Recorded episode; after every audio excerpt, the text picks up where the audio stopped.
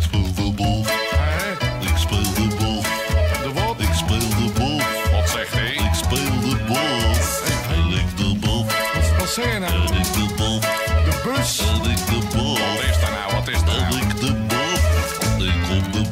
Yes, you're listening to Basgasten, the podcast in which I interview Dutch and Belgian bass players about their career and their influences and their gear.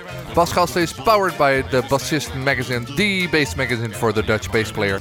And in this episode, you hear Jeroen Paul Thesseling. You might know him from Obscura and Pestilence, and currently from the Salas trio with uh, great drummer Horacio Hernandez. And he plays extreme basses and extreme music. Um, by request of Jeroen, we're doing this interview in English because of his international fans. Ik speel de boef. Dat was de bas. Well, welcome, Jeroen. Thank you. Um, welcome to uh, Basgast. Well, I am a guest in your house, um, and uh, in the beautiful city of Amsterdam. And uh, I'm gonna start with the first question I ask every guest on Basgasten, which is, uh, which bass are you playing right now? Uh, at the moment, since since um, a couple of years, I I play a um, Warwick Thumb NT seven string fretless. And the seventh, I mean, I have a four string fretless, and then the seventh string has uh, which extra strings on them? You could see it as a as a five string bass, a standard five string bass with Right. low B, and this bass has one higher, which is the high C, and one lower, which is the low F sharp. Wow. How low is an F sharp? That's about uh, 23 hertz. That's clo- very close to what a human is able to hear in frequency, right? Yeah, I Like think we can hear from about 20, 20 hertz. Yeah, yeah. So how does it Uh, sound, the low F sharp? it sounds um, it sounds for me very attractive but i show you this is this is f sharp Wow. that but is a lot. still very And, and it's a fretless, right? this is fretless yes How long have you you been using you've been using fretless like only fretless for a couple of years now, right? So you rarely play fretted anymore. no fretted no i don't touch the fretted basses anymore Uh, i still have two here in in at my home uh, um, No, I think that started in 2005 when I started to uh, work with a flamenco ensemble here in, in, in the Netherlands. And that was the point. I already owned uh, fretless bass, the, the, the, the six string version of this one, Right. um, which I actually played. That, that bass I played those basses since 1993, the start of Pestilence. That's where I discovered this instrument and really liked it punchy mid the, you know the way it it worked out in in metal music in Right. the heavy genre um, but in 2005 with flamenco and we we played a lot of many theaters that was for me uh, yeah somehow the right moment to pick it up and it was a, a, it was a little bit tough you know because if you combine these instruments uh, you you you know you never dig deep to start for me it worked best to lock up all my fretted instruments and just focus on that fretless signature thing what did Warwick say when you said, "Can you guys build me a seven-string fretless with a low F sharp on it?" Um, well, you know, with Warwick, basically, Warwick is extremely open-minded. Um, they are extremely open-minded brand um, towards their clients, you know, the users. They try to uh, build what you can imagine and what you where you, where you dream about. Right. Um, at the same time, they know exactly what they need to change on an instrument to make it sound good. And and you know, during the years, I think their instruments their instruments became better and better. Um, but their reaction was very positive. Mm-hmm. But there was a situation in 2011 where uh, I was uh, recording with Pestilence in Germany, Mm-hmm. and uh, we tried to uh, record bass in a few days. The thing is, we took two days and figured out that it didn't work with a low B because they played eight string guitars. Right. So you had to go even lower. It sounded weird. Right. You know, it's it's it's it's probably a psychological thing, but if if you play the same octave than the guitars, it's it's just yeah, it's it's just uh, something that we needed. Mm-hmm. And in and, and in those days, I contacted Warwick. They sent me uh, the extra string, and basically I put the seven low, the six lowest strings on a six string because Yeah. I didn't have uh, seven yet. Uh, but right after the studio, uh, they uh, they worked on this instrument. So we started with a with a bass that uh, that was really working for that for that genre, Right. You know, like ebony uh, fingerboard, and um, yeah, that's how it started. But because they are so open-minded, Right. So they were. You were like, build me a seven. Can you build me a seven string first? They were like, sure. Let's try it yes, out. Yes, and um, because you know, honestly, I I'm not so fond of the higher strings Right. on a bass. Like uh, a high F would, yeah, for me it doesn't make so much sense. It's No. it's it's a guitar range, but in the end, you know, whatever everybody wants is is up to everybody. Yeah. Um, if my neighbor starts two string fretless uh, tomorrow, it's fine too. You know, if it if it if it is a functional thing. So it'd be cool. If you have a two string fretless and you're listening in right now, let me know because I want to Yeah, try it out. We can. Let's compare a seven to a two string.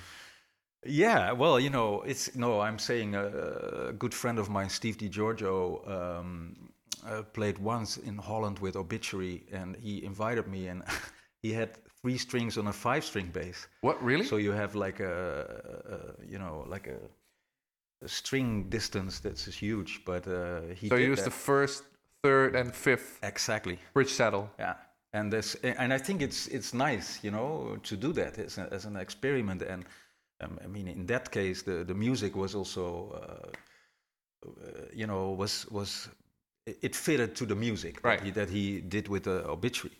But uh, in you know, in in a certain way, it doesn't matter how many strings. In the end, you know, it makes sense what you do with it. Right.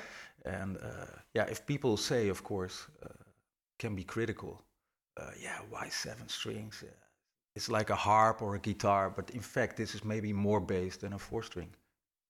Because it's lower. It's lower, so why? And lower is You know. better, people.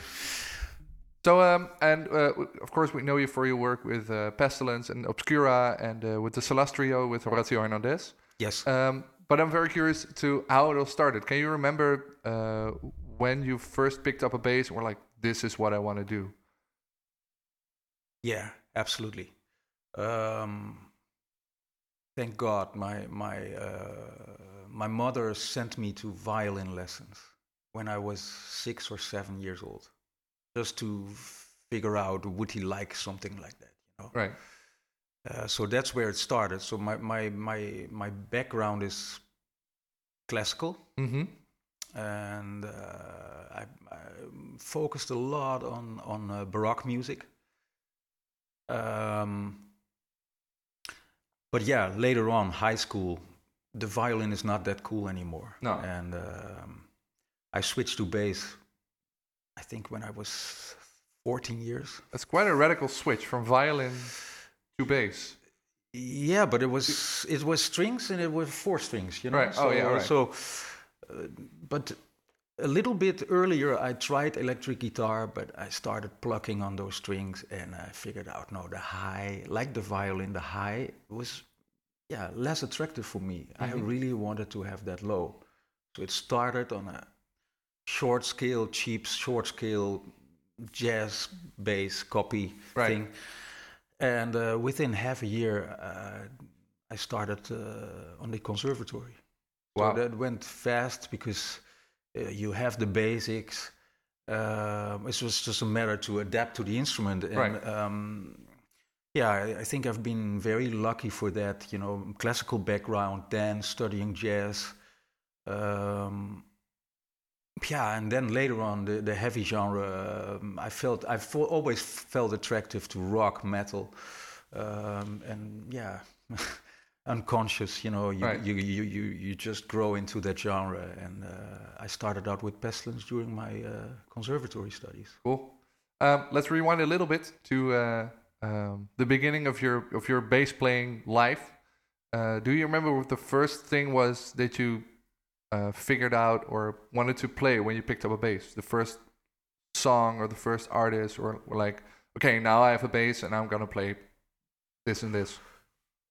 Yeah, I mean, being 15 years old, 14, 15 years old, I think it was Smoke on the Water Wow. uh, during a street um, party, and we just. Uh, Oh, did you then go like, or like the original?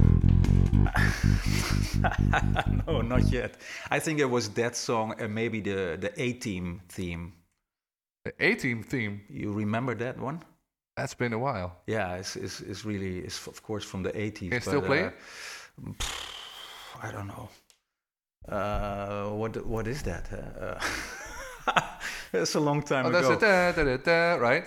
Uh, yes.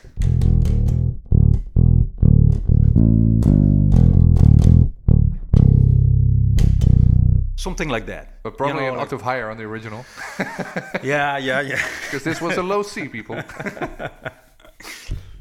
Yeah, but this is how it started, you know, like, uh, yeah, just just curious about tone and, uh, but yeah, if you play a lot, then things go fast. And Yeah. uh, actually, I didn't finish my high school uh, when I was 16. I was so convinced about this instrument and that I needed to do this instead of violin.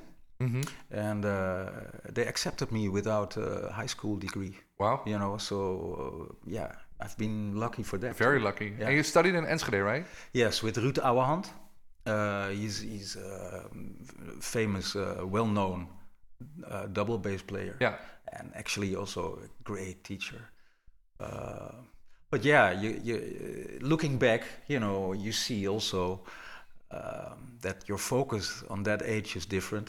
hmm Uh, when you study at a conservatory, you're still pretty young, uh, and focus is one of the things there that that is, yeah, probably you know often you figure out that that hour studying that it makes so much sense, but it comes sometimes later. Yeah. Yeah.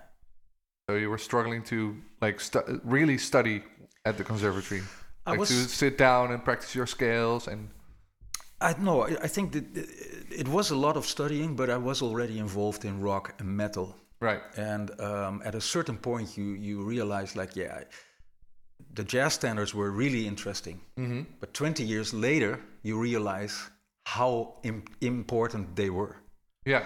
And um, sometimes you cannot see it at the moment itself. You know, later on, and, and later on, I wrote my teacher. I wrote Ruud, and I told him, "I'm I'm so grateful. You know what you teach me." Uh, at that time, we were not really on one line because I played, yeah, death metal. You know, and Right. is is is not easy for a teacher to adopt that in lessons. Especially if you're not used to that kind of music and it's new for you. Exactly. So you gotta, in the end, you gotta listen to your teacher, you know, and you gotta pick up what he tells you, and whether you can use it or not, later you figure out. Right.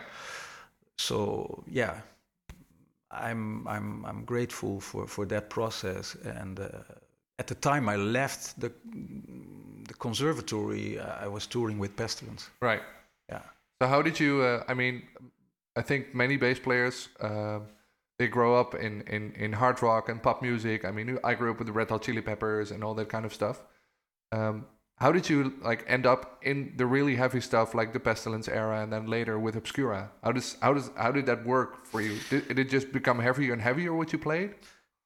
Yeah, in fact, it did because uh, I started out with listening Metallica, you know, uh, the album Ride the Lightning, Mm-hmm. um, Anthrax. That was like the start. The start of thrash metal in the late 80s. Yeah, that that was really what what got my attention, and um, and later on, absolutely, a few albums like Death, Human, but also before Human, the Leprosy album. It was yeah, I, I was involved in a group of people in my town, and that was our stuff, you know. So. So Steve was already in the picture then. When I was 16, I was just impressed. Steve DiGiorgio, you mean? Yes, Steve Also DiGiorgio. I was impressed. Testament and Witchery and yeah. Yes, and um, I think that that catched my attention. And um, I remember I lived in Enschede, you know, east of Holland, Mhm. and um, I was recording a demo in a studio, and then somebody noticed, um, told me like, yeah, Pestilence is still in trouble because they need a, you know, like a bass player who's not only metal focused but also fusion and jazz Right. they wanted to go in a different direction, more experimental. And uh, two days later, I, I spoke with uh, Patrick, Patrick Mameli, hmm and uh, I think one or two weeks later, we were rehearsing together. So Wow. it went very fast. Yeah. And what do you remember what the first Pestilence song was you played with him? Or the first one you, you figured out how to play? Well, I, I remember we had a, first of all, I remember we had an audition. And uh, mm, yeah, I was just in their rehearsal room. Right. and there uh, the fuses of my amps popped out. So it Oh, really? started. It started in a great way. you Oh, know, wow. And uh, so we went out for for new fuses, and uh, but we had really a click, a match there. And I can honestly uh, say that um, because of that process, where we started to rehearse the new material for Spheres for the Spheres album, Mhm. I was so fascinated about his way of thinking and his progressive, you know, mind uh, riffing. Everything together was just a very learnful process uh, where I also started to figure out like, wow, the more you study, the more you experiment, yeah, maybe it brings something new, you know, and uh, has been an important trigger. Right. How long did you play in Pestilence again? Was it Uh, I think it was in the in the start uh, 92 to 94 and later on 2008 or 9 until 2012 so we we kind of disbanded right? in 94 and uh, later on I, I've, I've been joining them again yeah Great.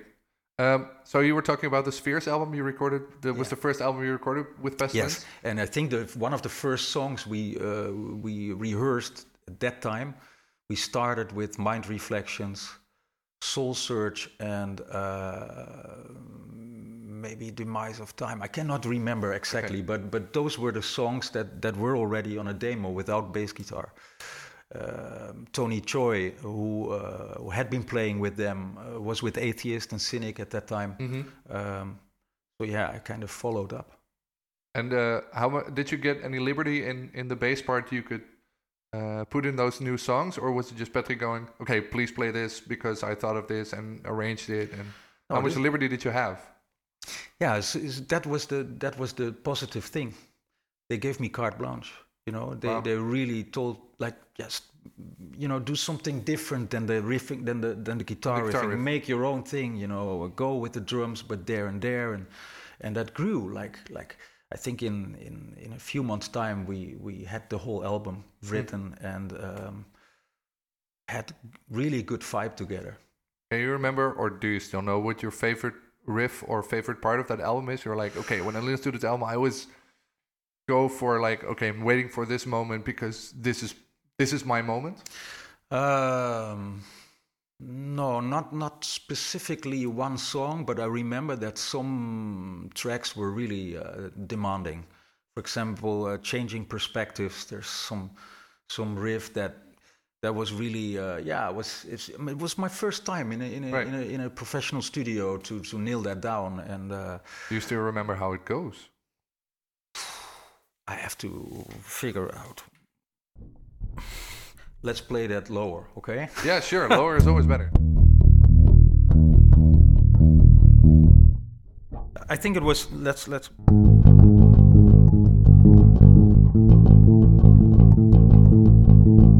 so, something like that. Can, Right. Cannot remember exactly, but Okay. because uh, yeah, uh, hopefully you understand that I I don't practice these songs. No, of course. and it's 25 years ago. Twenty five years. Yeah. yeah. But uh, a, a really important time in my life to uh, to you know open your eyes and see like wow, if you're if you're so uh, open minded with with yeah, progressive experimental music and, and you grow in directions is like is a drive forever actually Yeah. it makes you uh, uh, rehearse in a conscious way and you figure out where your weak spots are you figure out what is uh, totally under control but yeah i think that was a s- sort of a point where you really understand like yeah you gotta you gotta master your bass Yeah. in any sense you know Like technically and musically, and be able Yeah. to like go anywhere the music wants to take you. Yeah, also stage wise, you know, to to be able to to you know carry your bass one and a half hour headlining Alright. show. It's just you everything. which is quite a uh, an, an uh, accomplishment considering the bass you're playing now is about twice as heavy as my Fender. You think so? Yeah. Oh, maybe yeah, probably, but it, it's heavy. Yeah. Have you ever had like, uh, do you carry a special strap or is it just training and No, stop I, whining I, and just carry it? no. Although I must say that um, during the uh, tours with Obscura. Uh, North America, I remember that. Uh, yeah, I got really back problems, but not not not because of. Uh, it's maybe more like a wrong position, and sitting so much, you know, driving for Right. next for the next uh, venue. Um, so maybe wrong position, but I had a I had a pin, pinched nerve, like a Oh, wow. serious. uh, so yeah, it means yeah, your That back is going in a in a certain direction. You cannot control. You cannot correct that.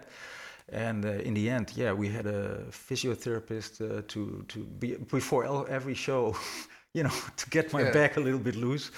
But uh, yeah, consequences. You have to be, you know, you have to be conscious about your position anyway.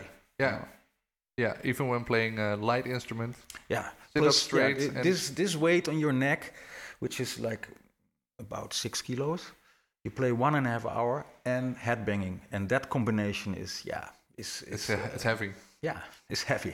Um, speaking about Obscura, um, I asked on my Facebook page and uh, and on Twitter, I asked um, um, my followers uh, if they have any questions for you.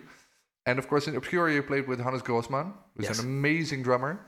Uh, please check him out anywhere because any band he plays in is is great. Obscura, Necrophagus, his solo project. I fully agree. Yeah. Um, and uh, even my brother, who is a drummer and a big Hannes Grossmann fan, he uh, he asked me a question. I'm gonna read it for you because it was a bit long. Okay. Uh, let me see. Um, here, he asked me uh, um, about. Uh, sometimes you get the impression that within the genre of technical death metal, um, uh, uh, um, it's mainly about like playing your part and and layering drums, bass, and guitar to make a composition or an arrangement, and less about interaction and timing between drums and bass. Um, and Hannes has a has a pretty recognizable style and way of timing. And Yes. do you adjust your playing to Hannes, or how do you uh, how do you do that? Like uh, uh, figure out your your your your timing between the drummer and and you within within the genre of death metal. Yeah. Well, um, the thing is with with uh, the style that Hannes plays and Obscura plays is a style that um, starts often composition-wise from uh, programming. Like uh, we used Guitar Pro at that time to compose, and Hannes composed a lot. Mm-hmm. And um, the, the the danger of studying with MIDI or, or Guitar Pro is that you become like sort of a computer. Yeah. Well, that can be a challenge, and it can also be the meaning of the music. Right. But for me, it worked different because uh, when you're in a studio, you can play, yeah, exactly what is played. But I love to be a little bit more laid back. Yeah. And um, this is actually what I loved about um, the the Human album of Death, where Sean Reinert plays drums, Mm-hmm. and you can hear that he plays really laid back instead of too much front running. Which sounds for me, I mean, uh, uh, metal is mainly like an uh, aggressive, quote unquote, sort of uh, kind of music, and to play laid back in the in the forward pushing music genre Yeah, might feel a little bit strange, but it might it, it works. yeah, because if you, uh, you know, this is my opinion. If you if you would play too much up front, Mm-hmm. uh, you get a very yeah messed up thing. You know, it can be. Uh, sometimes it's necessary in music to Yeah. have that drive, the aggression to. But in this way, I liked it more. Uh, You and you can generate easier uh, a groove by being a little bit back Yeah. on the drums. Um, but yeah, let's be honest. Hannes is a, is like a, is a drum machine, and Yeah. if if you listen well between the Cosmogenesis and the Omnivium album, you you notice a, a huge change. Yeah. because he grew really fast doing these these things. You He's know, still He- growing. He's still growing, but don't forget he's a piano player and a guitar player, and he composes like crazy. So he's a, he's a talent, and um, but also interesting to see when, when you play with Romain Goulon or, or, or you know or Horacio Hernandez, Right. You have a totally different thing. Yeah. But do you consciously adjust your timing and your way of, of playing with the drummer you're playing with, or does it happen like naturally? I think it's a natural process, but um, yeah, it's a natural thing for me. Um, you just act like you feel like it should be, you know. Right. You, you so you you you anticipate on that, but um, yeah, the thing is, uh, what you have to keep in mind is that when you write music in in software like Guitar Pro. Yeah, you get basically very structured, very yeah. Everything is Everything's like it's like a beat and- computer. yeah. And um, sometimes I wonder what is the meaning. Uh, I mean, so you build structures from there, uh, but the result is that you get a very mechanical output Right. result. Then the big challenge is to make it sound as organic as possible. Make it sound human. Exactly. And that is what I try to do. Maybe the fretless makes it even a little bit more sound like that, you know, Yeah. more more organic. Okay, great. Um, I have a, a couple of more questions. Let me check them out. Um, right, a question by Bill Bodley, which is a bit of a uh, a broad question. No, we're going to skip that for now because we're going to ask that later. Um, you were talking about Romain Goulon, and you used to have a project with him called Nufudic. How do you pronounce it? Yeah, new Fudic. Nufudic. Yeah. Uh, uh, it's a question by Stefan Terlouw. He says Romain Goulon is a great drummer, and um we haven't heard about it for a while. Uh, how is that possible? Because it sounded like a great uh, uh, a challenge to play with Romain and play that project. Um, so, what's the status on uh, Nufudic? Yeah.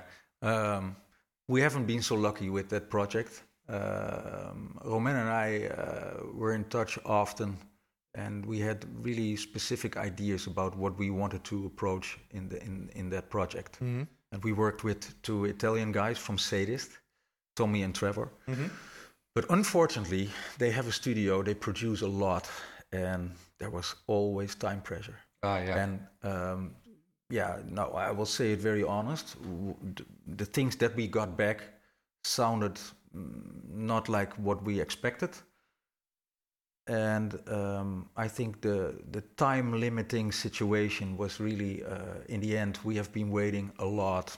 But yeah, if people don't provide new things or and or don't put so much time in in, in a product like this, right.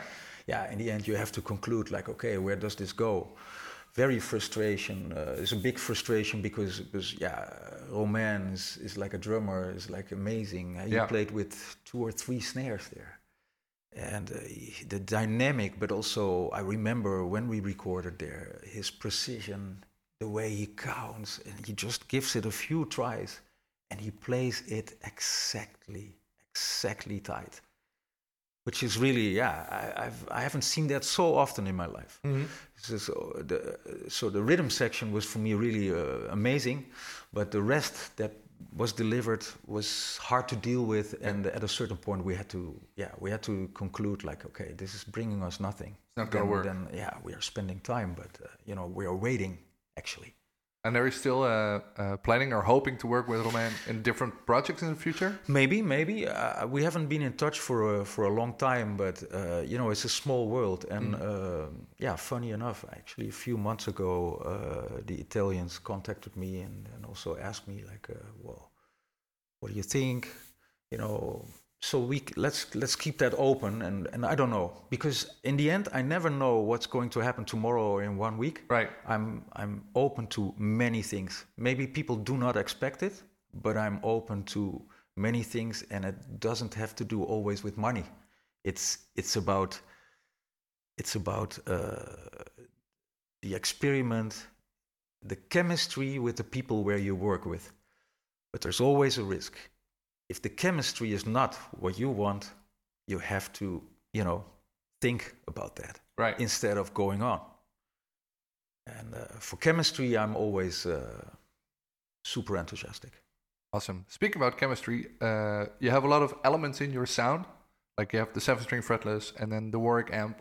Um, and uh, when I came in, you showed me your recording setup, which is a three channel setup. Yeah. Can you explain a little bit about this and how you uh, um, how you do that live? Do you use the same kind of setup, or how do you differ from how you record to how you play live? Um, yeah, I, I've been always fond on, on the, the chorus sound, but not in a way that your bass tone is completely gone and you hear a loud sweep, you know. For the non-bass players listening in, what is what what do you mean by a chorus sound? A chorus is actually a, is a modulation, a sound modulator that can sometimes split your signal into in, in a stereo sound. Right. But let's say semi stereo because it's not real stereo. hmm But you have two channels which you could consider left right. Right. Basically, what I do for a long time, I use those left right channels. But when we recorded with uh, Obscura, um, we started to use one extra uh, track with dry sound. Right. And since that moment, what I what I do, uh, Victor Bullock is the is the was the producer of those albums. Really great guy, knows a lot about uh, recording techniques and plays even with Triptykon and you know worked with Celtic Frost as a, as a session player. Uh, but he figured out, yeah, we need also the dry signal. So I use three channels. Um, one is dry, and two are left right. Uh, and in that case, what I do often is that I turn back the the the effect, the sensitivity. I turn everything back almost to zero. So you have a chorus, but you almost don't notice, Right. but it's still, Still left there. right. Yeah. Yeah. And in, and, and in that case, you avoid that a bass tone becomes too vague or not punchy enough, you know? So you have to control that dry channel too. And uh, so, uh, uh, and how do you? So that's a three-channel recording setup. And do you use three channels live, or how do you? You just play stereo, right? Yeah, live I played stereo, but always one dry line to the to the front of house. Just in case the amp gives in, or Yeah, but you gotta also think about a sound guy, you know. Of course. Uh, yeah, of course. You you gotta be lucky. Some guys are super experienced, some are less experienced. But in the end, you gotta be reasonable. You you need to provide uh, uh, people with a good, clear signal. yeah, Otherwise, yeah, what do you expect with the venue? You know. of course. Yeah, there was a question from uh, Philippus Intema. I hope I pronounce your name correctly. uh, it's how you uh, reproduce your sound live, and he, I quote, uh, "How much do you have to intimidate the sound guy for that?" I mean, Yeah. I, I hope nobody ever intimidates a sound te- the sound technician because they can make or break your sound. I mean, you can send a crystal clear and great signal to the front of house. Yeah, to, but all I think still screw it up. Yeah, no, I agree, but uh, I think it happens. Some some people intimidate people Yeah. to get what they want. It's not my style, and I think it's it's not necessary at all to. But at the other hand, it depends what kind of genre do you play. If I would play with Salazh Trio in a in a in a venue, Right. there we don't have any problem with the, with the 23 hertz because it's open it's trans, transparent music Right. it's not it's not super fast or with double kicks or With eight string guitars. Yeah but but exactly when you go uh, when you go with fast death metal progressive death metal there's so much going on Mm-hmm. yeah you have to be careful with low Yeah. Uh, you know, so um, that's what what took me ti- some time uh, to get full control of the F sharp, Yeah. um, and you know, it's also a matter of not using it everywhere. It's great to use low tones, but it's not the meaning of of this. No, you it's know, not playing low because you can. It's playing low because the music asks for it. The trick is you create dynamics by Right. by taking sometimes the ultra low register and sometimes you just focus on those five centered strings, like a five string bass. Right. So is that also uh, why you chose the Warwick Thumb? Because it doesn't it doesn't have a very low, boomy, growly sound like, uh, for example, a Fender Precision bass would have, but it has the the MIDI pronounced. I mean, if you listen to an Obscura record or the Pestilence record or the Salazh Trio record, you can hear your sound anywhere. It's maybe also because it's fretless, because it has like the moi sound and not the the punchy attack like. Yes, also, but uh, you know, there's a reason why why I play these instruments for well, what is it, 26 years now? Right. Uh, it's it's like um, they deliver a punchy mid, Right. And that felt immediately good. But there was a time when we started recording uh, Spheres uh, here in Holland, actually. Um, I borrowed a bass guitar from a store that was very close to the studio. It was a LAG Force six-string bass. Wow. that's what I remember. I haven't thing. heard I haven't heard that name for a long time. Yeah, yeah, LAG. yeah. But That's- the sound was French. LAG. Yes, yes, but the sound was amazing and was very, very MIDI. Mm-hmm. But yeah, then it became clear. Yeah, this is what I want. But I didn't like the instrument so much. Right. Also, to play it was not really my neck, and um, for that, I was in touch with Warwick. And uh, since that moment, we were just. I fell in love with this instrument. Yeah. Since '93, I never, ever considered to play something else This is your sound and your it's just uh, it's that MIDI frequency thing and uh, enough low, but a different low than a Fender Jazz. Yeah, Mm-hmm. Yeah, of course. Yeah. yeah, or or precision. or any other bass, I think. Um, I have another question from my brother. I mean, uh, he Thank knows you, about brother. stuff. Thank you, brother. Uh, he has a bit of a wider question about the uh, emancipation of bass guitar within death metal. I mean, about 20, 25, 30 years ago, it was mainly doubling guitars, uh, guitar parts, which is still often the case with um, old schoolish Yeah. uh, metal bands. Uh, and then you had like the the, the technical uh, uh, side of the music coming up about 25 odd years ago. And now you have all these, uh, uh, you have way more technical bands like also Origin, of uh, Obscura, of course, but also Origin and Archspire and Beyond Creation. Um, how do you view the, the, the development of bass guitar within the heavy genre uh, for as long as you have been playing? Um, I think it's it's obvious that many metal musicians got inspired by fusion and jazz Mm-hmm. by the time. In '93, we almost got killed for what we did with Spheres. And you know, it was maybe a, a too big step ahead. Um, s people didn't like it. It's, it's, it's produced in a very different way. The sound, the overall sound, is, is so different than than an old school Yeah. brutal death metal record. Record.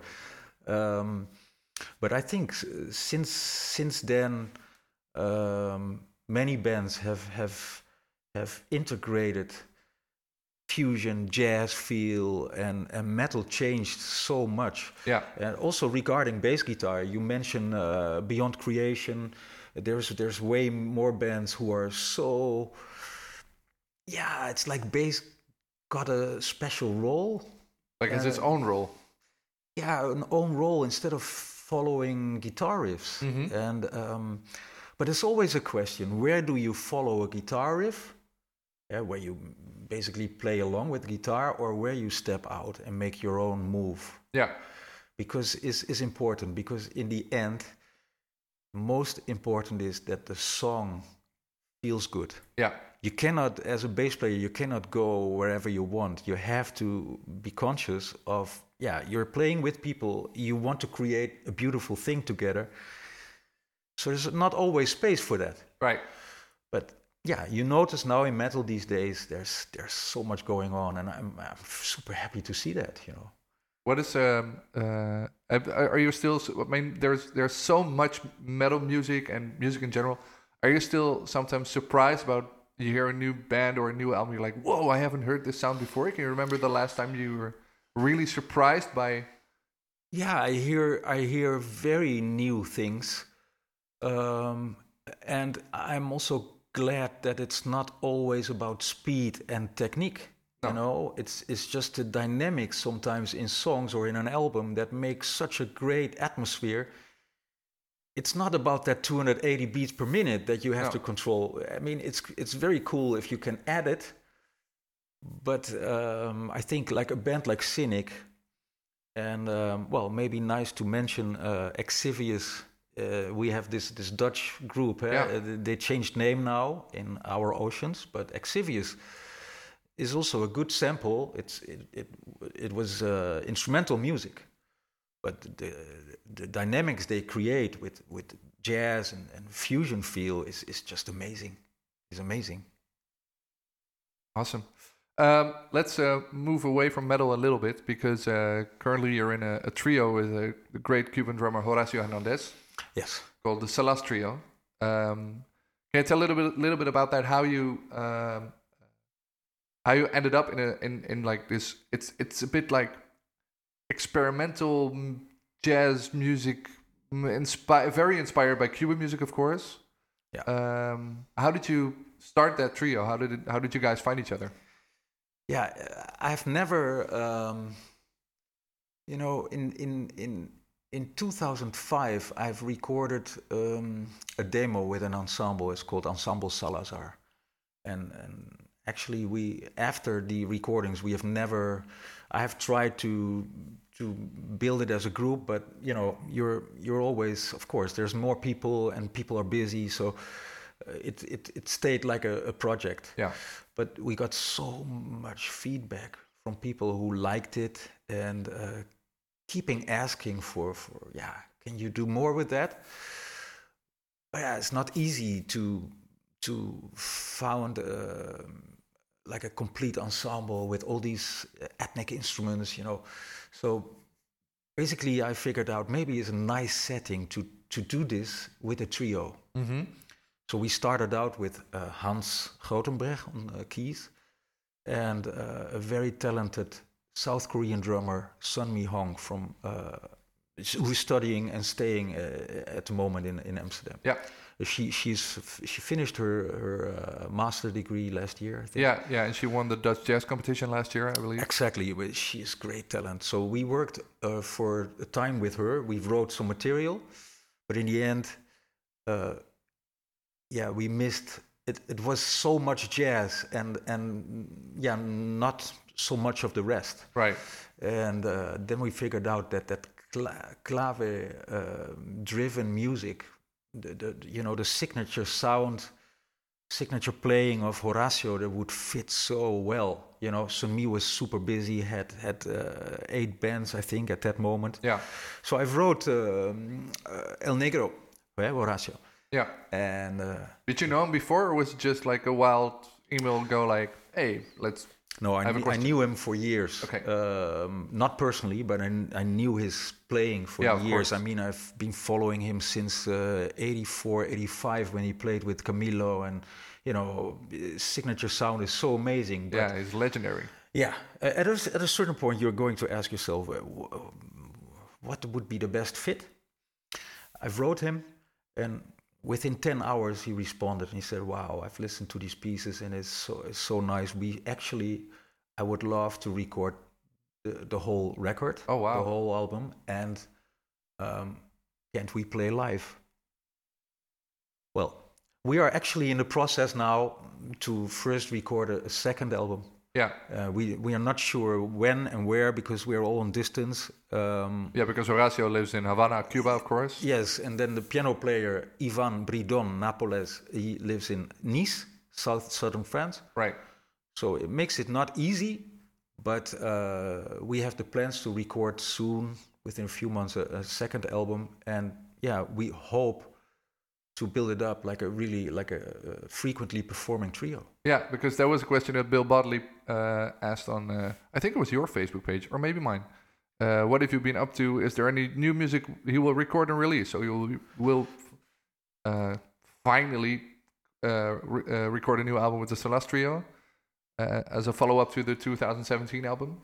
Yes, that Um, is. are there any well, other wild plans? You're uh, are you planning on a, a, a, a let's call it a return to uh, death metal or any other genre you're working on right now? Well, you know, I'm I'm very open to the idea to to bring many things on the table. Mhm. But as I said earlier, it's about chemistry. If you meet the right people or the right people come to me and they say, "We have this and we really would love to work, build something." Yeah, I think I see myself uh, playing uh, death metal, progressive metal, uh, absolutely fusion but again, I'm not a metal bass player, I think, and for the same, I'm not a jazz player. It's all in between. It's Right. just what comes up. That was I think was someone was drilling. I think my neighbor is uh, drilling, Oh wow. but uh, it's uh, outside this time. Yeah. it sounds almost inside, but it's outside people. Um, something I'm very curious about. It might seem like a weird question, but um, um, I, I also play a lot of different styles. I play like uh, uh, uh, reggae and jazz and Americana and whatever. Um, but I still find myself being kind, more or less the same bass player in every style. Every style, just a different aspect of what I do, and maybe it depends on the gear I use. Um, how do you see yourself in different genres? Are you always the same? Do you always keep the same kind of approach on the instrument, or do you really differ consciously on whether you play heavy stuff or jazz or what, whichever style you do? Yeah, there. These these these uh, tracks are all different, but in the end, of course, what you try is to put your signature, your stamp on on all those productions. Yeah, and um, I try to do with Salazh Trio the same. Um, but there's many people who who don't know that from my you know from my activities. It's more they know me from the the more heavy genre. of course. Um, no, I think it's important to to um, to approach something that people like to hear and where you grew, basically where you like. What is the red line in your musical career? I, I try to uh, bring that up as much as I can. Yeah. Yeah. So you really uh, uh, try to find, to try to put your own sound and your own signature in the music you play. Yes, but then, but always in a functional way. So, um, yeah, it, you know you play bass. It's Yeah. not a guitar. Is, but I think probably it's because of the violin playing in the past, the the the, the baroque music, the counterpoint, that makes you. Um, um, approach bass lines in a sometimes in a melodic way Right. and I I think it can be so beautiful to have a melody in a bass line, but the bass line is still functional. Right. But as long as there's space for it. If there's no space, just do what you need to do. Yeah. And I think that's so, um, that's such a challenge on bass guitar all the time. It might also be the reason why people call you because you have this melodic, fretless approach to music, and um, especially in the heavy genre, there aren't many. Fret- I think I only know one who almost always plays, plays fretless. That's Steve DiGiorgio. Steve DiGiorgio is, and I think uh, Dominic uh, Forrest, they call him. Oh, yeah. Uh, you know, Beyond Creation and Mhm. Augury he did in the past. Uh, yeah, but you see it more and more. More and more, yeah. Yeah, yeah, yeah. It becomes, and now you have Linus of Obscura, Oh, of who, course, who yeah. already he was already uh, Yeah. playing fretless in uh, Noneuclid, you know, experimental stuff, uh, flamenco-driven stuff. So uh, yeah, there's many guys out there who who who, who grow in this uh, specific area. Well, Where do you see um, uh, the metal genre go in the next few years? Do you think the the jazz fusion influence will be, become even greater, or how far did we?